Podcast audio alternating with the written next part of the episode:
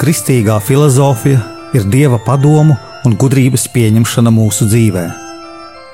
Mīlēt gudrību nozīmē mīlēt dievu, jo no dieva nāk patiesā gudrība. Raidījums Kristīgā filozofija.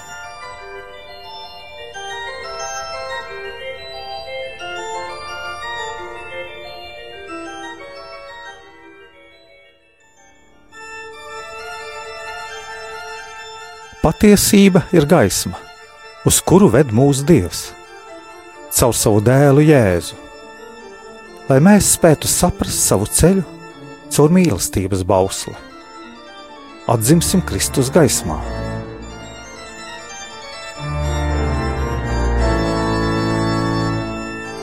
Dārgie brāļi un māsas Kristū, ieklausīsimies kristīgajā filozofijā.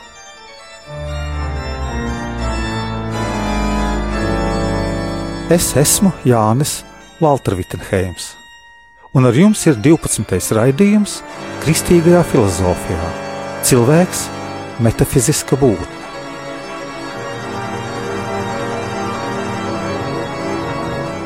Ievadā noklausīsimies Jēzuītu tēvu Staņslavu Ladusānu 1992. gada ieraksta fragments. Ir no svara atzimt garīgi un dziļi atzimt, un mūsu disciplīnā to arī darīs, e, palīdziet atzimt latviešu tautai. Un tāpēc ir no svara audzināt jaunatni ar filozofiju. Tad runāsim arī par jaunatnes filozofisko audzināšanu un veidot nākošos politiskos vadoņus, kam, kā saka, būtu tas plašais skats.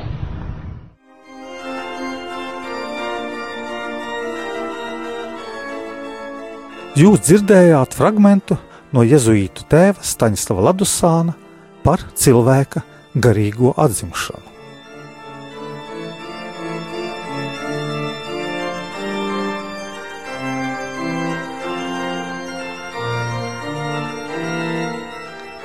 Cilvēka atzimšana un īsta garīgā dzīve sākas, kad prāts sāk cīnīties ar grēku, pirms ļaunais nodoms sāk ienākt dvēselē. Šis ir cilvēka galvenais spēka un prieka cēlonis. Ir nodomi, kas uzreiz ir slikti, kurus mēs atraidām uzreiz. Ir labi, kuri tikai vēlāk ir saprotami, ka ir bijuši slikti un ejam uz grēksūdzi. Ir slikti nodomi, kuru ļaunumu uzreiz redzam, bet nevaram atteikt mūsu kaislību dēļ. No mūsu dvēseles kaislības mēs ciešam. Ko darīt, lai mūsu prāts tiktu attīrīts? Pat grēksūdze nav iespējama, ja mēs nesaprotam, ka nodoms ir ļauns. Pirmkārt, jālasa svētie raksti. Pateicoties svēto rakstu lasīšanai, mūsu prāts attīrās, un varam attīrīt prātu un atteikt ienākt ļaunām domām. Otkārt, šajā cīņā tiek trenēts un stiprināts mūsu gars. Un treškārt, sirds jāattīra no kaislībām, lai viņas no jauna neienāk mūsu prātā.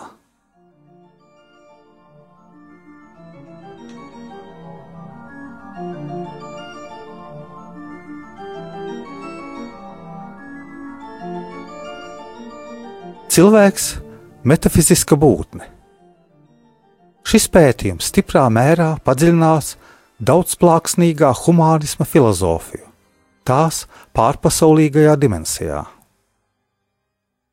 Mūsu pieredze māca, ka neracionālas būtnes, darbojoties pasaulē, savā aktivitātē parāda lielu kārtību, racionalitāti.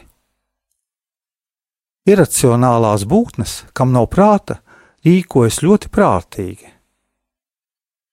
Tas ir fakts, un kas vedīs mūs tālāk pie atziņas par dieva esamību. Par piemēru mēs varam apskatīt putnus.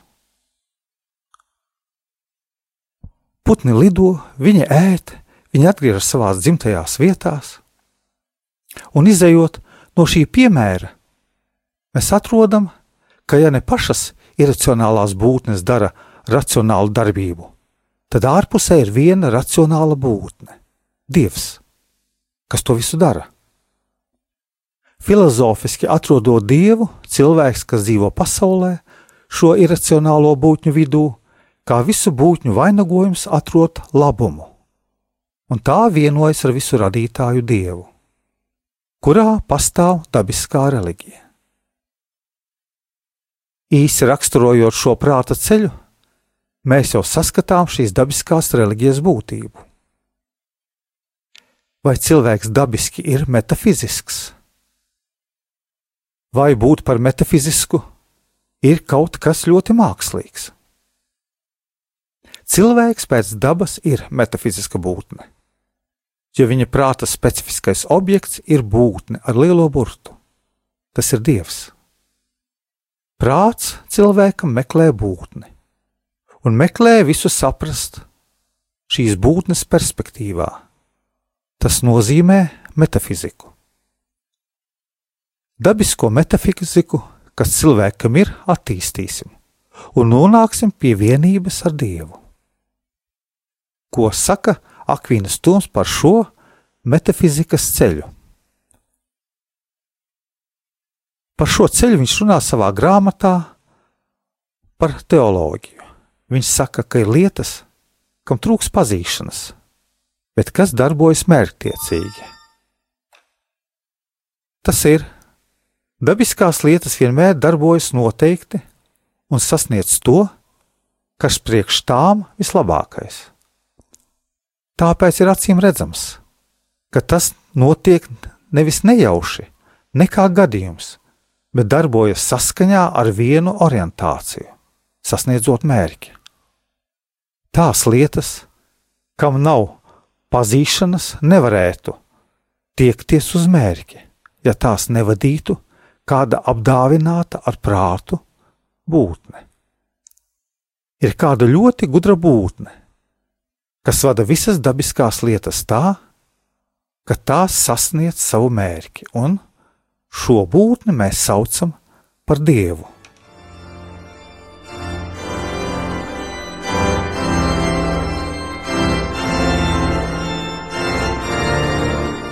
ir četri iemesli, ko metafizika apskata.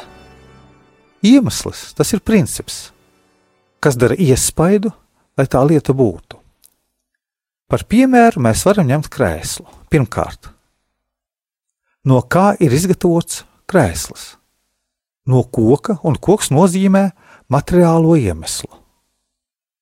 Koks iespaidoja krēsla rašanos, tātad krēsla esmi.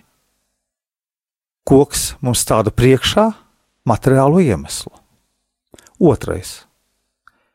Vēl ir formālais iemesls, kas nāk no krēsla. Forma ir konfigurācija, kas dod lietai būtību. No koka var izveidot daudz lietu. Bet tieši krēsls ir formālais iemesls. Trešais. Ja būtu koks, bet nebūtu amatnieka, tad krēsls nerastos. Šis ir efektīvais iemesls, jeb iemesls cēlonis. Tas ir iemesls, kas darot iespaido, lai lieta būtu. Ceturtkārt, ja būtu matērija un cilvēks, kas prot radīt krēslu, bet ja viņam nebūtu motīva, tad arī viņš šo krēslu neizveidotu un krēsls nerastos.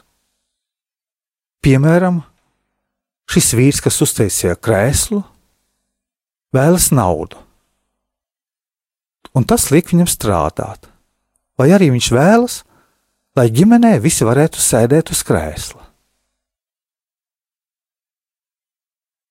Tā tad ir četri iemesli, kas ietekmē lietas esmi. Pirmais - materiālais iemesls, koks, otrs - formālais iemesls, kādu formu ieņem koks. Trešais iemesls - cēlonis, amatnieks, kas veido to krēslu, un ceturtais labums, kas nozīmē mērķi, nauda vai arī prieks par sagatavoto, izveidoto krēslu.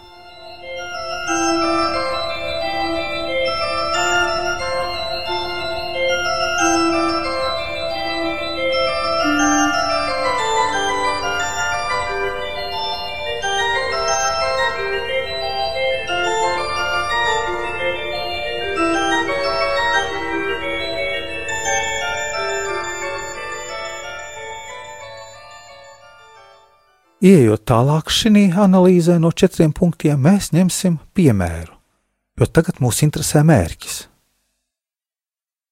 Ņemsim par mērķi studentu.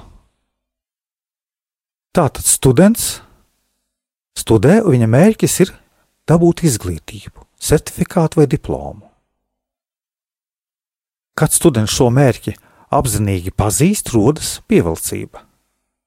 Šī piemērā mēs atradām labumu, ko stāda priekšā studenta prāts, un kas pievelk un liek viņam darboties, studēt. Šis piemērs ir apzinīgā personā, un mums liek saprast kaut ko dziļāku, jo pasaulē ir ļoti maz apzinīgu personu, salīdzinot ar citām lietām, kas ir iracionāls, piemēram, putni, minerāli, ķīmiski elementi. Tās visas ir iracionālas lietas, Bet trīs iracionālas lietas nav haotiskas. Tās darbojas ļoti mērķtiecīgi. Piemēram, putnu vada mērķis atstāt pēcnācējus. Putns ir bez prāta, tāpēc tā ir instruktīvā darbošanās, kas nozīmē lielu mērķi, lai pasargātu putnu sugu. Putns rīkojas neapzinīgi, bet viņu vada labums. Tāpēc šis mērķis nav kā studenta mērķis, tas nav pazīts. Iracionālas lietas darbojas racionāli, piemēram, kā putnam ir divkāršs mērķis. Iepriekšējais bija, lai uzturētu organismu, otrs, lai piedalītos, uzturēt universu, ārējais. Univers ir vienība. Uni vienība vers no latīņu valodas pagriezt, piemēram, minerāla vai auga mērķis ir uzturēt vienību pasaulē, universā. Šo lietu mērķis ir pirmkārt piedalīties, lai būtu šī vienība, universs. Mērķis nozīmē labumu. Mūsu dzīves mērķis ir vienmēr saistīts ar kaut kādu labumu, vai materiālu, vai garīgu. Labums pievelk, saista un liek mums darboties. Labums liek darboties tādēļ, ka tas iztaro pievilcību, un pievilcību mēs saucam par mīlestību. Katra būtne tiecas sasniegt savu labumu, to, kas viņai ir atbilstoši. Tātad universs ir pilns ar mīlestību. Bet šī mīlestība nav apzinīga. Kā metodiski parādās labums, mērķis un līdz ar to mērķtiecība. Kā tas var būt, ka neprātīgās lietas rīkojas prātīgi? Kā tas var būt, ka neprātīgās lietas tiecas uz kopējo labumu, un šī rīkošanās ir stingra, noteikta un arī radoša?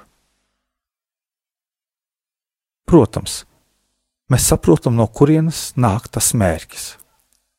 Mēs esam prātīgas būsnes ir nepieciešams pielaist ārējo prātu, kas domāja lietu un sprauda mērķi. Kas ir tas ārējais prāts? Prāts, kas ir ārpusē, saucas Dievs, radītājs. Izskanēja raidījums Kristīgā filozofija. Jūsu prātam, jūsu sirdī, jūsu dzīvēm